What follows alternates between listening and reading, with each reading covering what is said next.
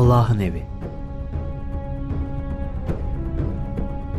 Abdullah'ın vefatının üzerinden çok geçmemişti ki çok sevdiği oğlunun yokluğuyla hüzünlenen Abdülmuttalip bir başka sıkıntıyla karşı karşıya kaldı.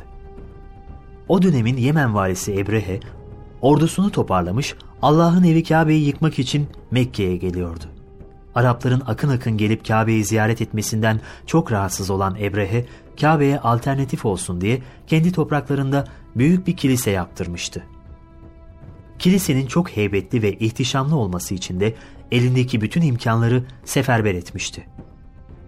Gayesi, hac ibadeti için Kabe'ye giden insanların yön değiştirip bu kiliseye gelmelerini sağlamaktı. Fakat Ebrehe'nin kilisesine pek itibar eden olmadı. İnsanlar her zamanki gibi hac için Kabe'ye koşuyorlardı. Son zamanlarda Araplar arasında söyledikleri şiirlerle bu kiliseyle alay edenler oluyordu. Ebrehe'nin bu kiliseyi hacıların yönünü değiştirmek için yaptırdığını duyan bir adam da gizlice gidip kiliseyi kirletmişti. Bu hadise Ebrehe için bardağı taşıran son damla oldu. Hemen büyük bir ordu hazırlanmasını emretti. Kabe'deki taşları teker teker sökerek yerle bir edeceğim diye tehditler savuruyordu. Derken 60 bin kişilik büyük bir ordu hazırlayıp Mekke'ye doğru yürümeye başladı. Ordunun içinde Mahmud isimli kocaman bir fil de vardı. Ordu Mekke'ye yaklaşınca Ebrehe'nin askerleri Kureyş'in mallarını yağma etmeye başladılar. Mekke'nin reisi Abdülmuttalib'e ait 200 deveye de el koymuşlardı. Mekkeliler gelen ordunun gücünü duyduklarında yapabilecekleri pek bir şey olmadığını anlamışlar ve çaresizlik içinde bekleşmeye durmuşlardı. Bir süre sonra Ebrehe gönderdiği bir elçiyle Abdülmuttalib'e şu mesajı ulaştırdı. Ben sizinle savaşmak için gelmedim. Benim geliş gayem şu Kabe'yi yıkmaktır. Eğer bu konuda bana karşı gelmezseniz benim sizinle bir işim yok. Bunun üzerine Abdülmuttalip, Vallahi biz de onunla savaşma niyetinde değiliz. Zaten buna gücümüz de yetmez. Bu evse Allah'ın evidir. Eğer onu koruyacaksa mutlaka o koruyacaktır. Eğer yıkılmasına müsaade edecekse de bizim onu koruma adına bugün yapabileceğimiz bir şey yok, dedi. Sonra da elçiyle birlikte Ebrehe'nin yanına gitti. Ebrehe, Abdülmuttalib'i karşısında görünce onun heybetli duruşundan etkilenmişti. Ona izzet ve ikramda bulundu. Oturduğu yüksek yerden aşağıya indi ve kendisi de Abdülmuttalip'le birlikte yere oturdu. Tercümanı vasıtasıyla sordu. Benden ne istiyorsun? Askerlerinin benden aldığı 200 devemi geri vermeni istiyorum. Ebrehe şaşkındı. Bu nasıl bir reisti? Kendisi bu adamın yaşadığı yeri yerle bir edeceğini haykırıyordu. Ama o şahsına ait bir malın peşine düşmüştü. Olacakları aldırış bile etmiyordu. Düşüncelerini gizlemeyerek, işin doğrusu seni ilk gördüğümde çok etkilenmiştim. Fakat konuştukça anlıyorum ki sen benim sandığım gibi bir insan değilmişsin. Ben sizin Kabe'nizi yıkmaya geldiğimi söylüyorum, sense develerini soruyorsun, dedi. Abdülmuttalip büyük bir ciddiyetle şu cümleleri sıraladı ardı ardına. Ben sadece develerin sahibiyim. Kabe'nin sahibi ise Allah'tır. Şüphesiz O evini koruyacaktır. Ebrehe çok kızmıştı. Sinirle gürledi. Onu bana karşı kimse koruyamaz. Hiç kimse. Tavrını değiştirmeyen Abdülmuttalip ise madem öyle işte o ve işte sen diyiverdi. Ortam iyice gerilmişti. Aldığı cevaplar karşısında oldukça sinirlenen Ebrehe, Abdülmuttalib'in develerini verip onu gönderdi. Mekke'ye dönen Abdülmuttalip, ahaliyi toplayıp onlardan gelecek tehlikelerden canlarını kurtarmaları için Mekke'yi terk ederek dağlara sığınmalarını istedi. Beri tarafta Ebrehe ordusunu hazırlamış ve Kabe'yi yıkmak için hareket emri vermişti. Ancak ordusunun içinde onun emrini dinlemeyenler vardı. Filleri sevk etmekle görevli olan Nüfeil isminde bir zat, kendisinden çok büyük işler beklenen Büyük Fil Mahmud'un kulağına eğilip, olduğun yere çök ve sakın kalkma. Ardından da sağ salim olarak geldiğin yere geri dön. Çünkü sen kutsal bir beldedesin, dedi. Sonra kendisi de oradan ayrıldı ve dağlara sığındı. Gerçekten de Allah'ın bir mucizesi olarak Mahmud olduğu yere çöktü ve bütün zorlamalara rağmen ayağa kalkmadı. Bir türlü Mekke'ye doğru yürümüyor, yönünü değiştirmeyi denediklerinde ise yerinden fırlayıp koşarcasına ilerliyordu. Sağa ve sola çevirdiklerinde de durum aynıydı. Fil sadece Kabe tarafına gitmiyordu. İstediklerini yapması için zavallı hayvanı dövüp tartakladılar. Ama sonuç değişmedi. Mahmud kan revan içinde kalmış ama Kabe'nin üzerine yürümemişti. Ebrehe ve askerleri henüz bu durumun şaşkınlığını üzerlerinden atamamışken bu sefer de sahil tarafından büyük bir karaltının kendilerine doğru geldiğini gördüler. Biraz daha yaklaşınca gelenlerin büyük bir kuş sürüsü olduğunu fark ettiler. Ebabil isimli bu kuşların her biri birini gagasına, diğer ikisini ayaklarına aldığı üç tane taş atıyordu. Attıkları her bir taş mutlaka bir askerin üzerine isabet ediyor ve taşın isabet ettiği asker de olduğu yerde yığılıyordu. Orduyu büyük bir korku ve telaş kaplamıştı. Çığlıklar arasında koşuştururlarken her biri üzerlerine isabet eden taşlarla can verdi. Ebrehe de bundan nasibini almış, kaçarken kendisine isabet eden bir taşın tesiriyle vücudu pul pul dökülmeye başlamıştı. Son nefesini büyük bir ızdırap ve korku içinde verdi.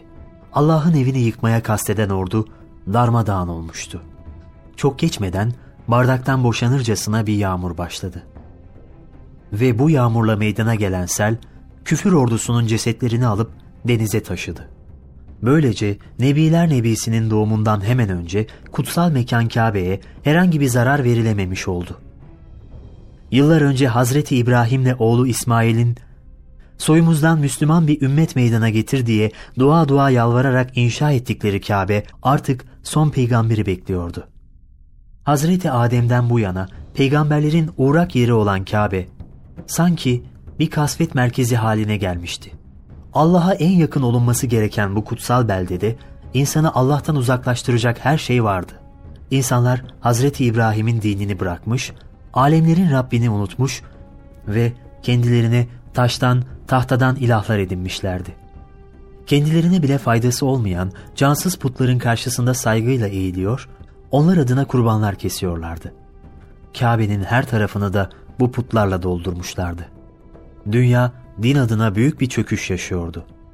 Ve bu çöküşten Hicaz da nasibini almıştı. İnsanlar maddi imkanlarına göre değerlendiriliyor, kimsesizlerin yüzüne bile bakılmıyordu. Hak ve hukuk yerini tamamen kaba kuvvete bırakmıştı. Toplum kendi içinde sınıflara ayrılmıştı. Kölelerin durumu içler acısıydı. Evlilik müessesesi çok zarar görmüştü. Kadın değersiz bir eşya hükmündeydi. Kız çocuklarının çoğunun kaderi ise çok küçük yaşlarda kızgın kumlara gömülerek can vermekti. Ancak bütün bu olanlara rağmen cahil ve acımasız insanlarla dolu olan Mekke'de cehaletin kirine bulaşmayan insanlar da yok değildi. Fakat bu kimseler parmakla sayılacak kadar azdı. Kus İbni Saide, Varaka İbni Nevfel, Zeyd İbni Amr bu kişilerden bazılarıydı. Etraflarında olup bitenlerden rahatsızlık duyuyorlar ama çözüm adına ellerinden bir şey gelmiyordu. Kutsal kitapları çok iyi bilen bu kişilerin tek umutları gelecek son peygamberdi. Tevrat ve İncil başta olmak üzere belli başlı kaynaklara ulaşmışlar ve buralarda karanlığı aydınlatacak son nebinin özelliklerine rastlamışlardı. Dillerde hep Hazreti İbrahim'in neslinden gelecek olan son peygamberin müjdesi dolanır olmuştu. Adeta dünya artık efendiler efendisine susamıştı.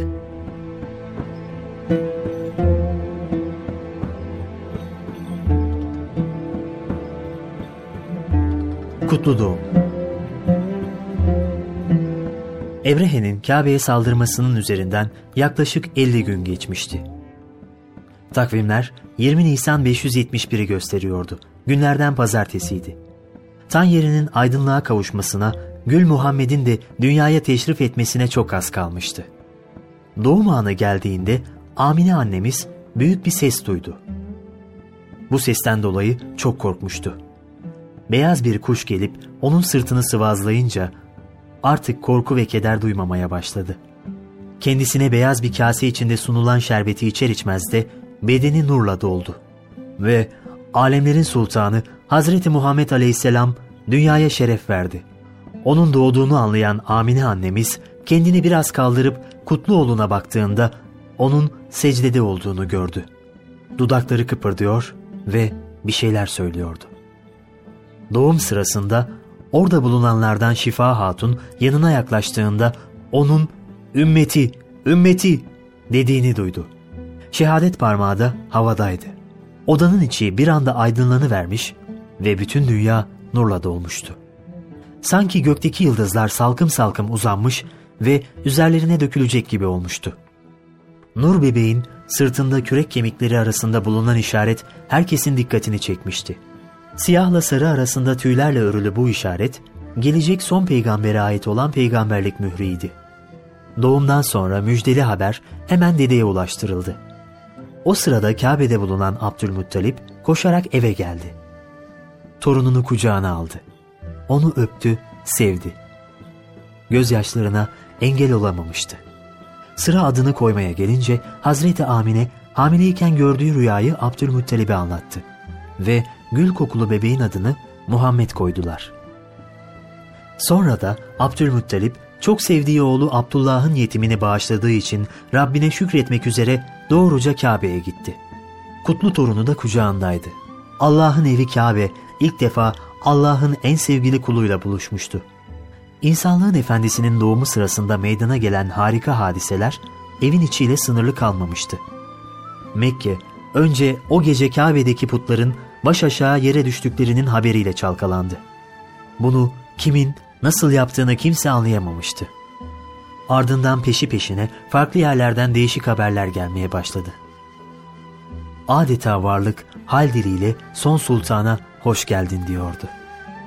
Kutlu doğum gecesi yeni bir yıldız parlamış ve Mekke'de yıldız ilmiyle uğraşan bir Yahudi alimi de onu görmüştü. Sabah olunca Kureyşlilerin yolunu keserek bu gece kabilenizde doğan bir erkek çocuk var mı diye sordu. Abdülmuttalib'in gelini Amine'nin doğum yaptığından henüz kimsenin haberi yoktu. Bilmiyoruz diye cevap verdiler. Yahudi alim, o zaman hemen gidip araştırınız. Bu gece son peygamberin yıldızı doğdu. Onun sırtında peygamberlik mührü olacak dedi. Kureyşliler de durumu araştırıp tekrar Yahudinin yanına geldiler ve evet kabilemizden Abdullah'ın bu gece bir oğlu olmuş. Üstelik sırtında söylediğin işaret de var dediler. Kulaklarına inanamayan Yahudi gidip Nur bebeği görmek istedi.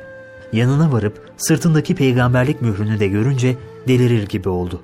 Hızla koşarak oradan uzaklaşırken şöyle bağırıyordu. Kureyşlilere öyle bir devlet gelecek ki haberi doğudan batıya her yere ulaşacak. Peygamberlik artık İsrailoğullarından gitti. Gitti. O dönemin büyük devletlerinden biri olan Fars'tan, İran'dan gelen haberlerde oldukça ilginçti. Efendimizin doğduğu dakikalarda Kisra Sarayı'nın çok sağlam olan 14 burcu çatırdayarak yıkılmıştı. Hem Kisra hem halk neler olduğunu anlamak için sabah olmasını beklediler. Gün ağarınca dehşetle gördüler ki o çok sağlam burçlarının 14 tanesi yıkılmış. Kisra hemen din adamlarını toplayarak neler olduğunu sormayı düşündü. Din adamları henüz toplanmışlardı ki tozu dumana katan bir haberci çıka geldi. Aynı gece ateşe tapan İranlıların yüzyıllardır sönmeyen meşaleleri de sönmüştü. Heyecandan gözleri kocaman olan Kisra, başkadıya, ''Bütün bunlar ne anlama geliyor?'' diye sordu. Başkadı da yakın zamanlarda ilginç bir rüya görmüştü. Düşünceli bir ses tonuyla, ''Araplar tarafından çok önemli işler yapılacağı benziyor.'' dedi. Sonra sorup soruşturup bu durumu çözebilecek birini buldular. Şam'da yaşayan Satih isimli bir alim olup bitenleri dinledikten sonra şöyle dedi. Gökten vahiy inmeye başlayacak ve peygamberlerin sonuncusu gelecek. Kisra da 14. başkanından sonra ortadan kalkacak. Gerçekten de bu hadiseden tam 67 yıl sonra bu alimin verdiği haberler aynen çıktı.''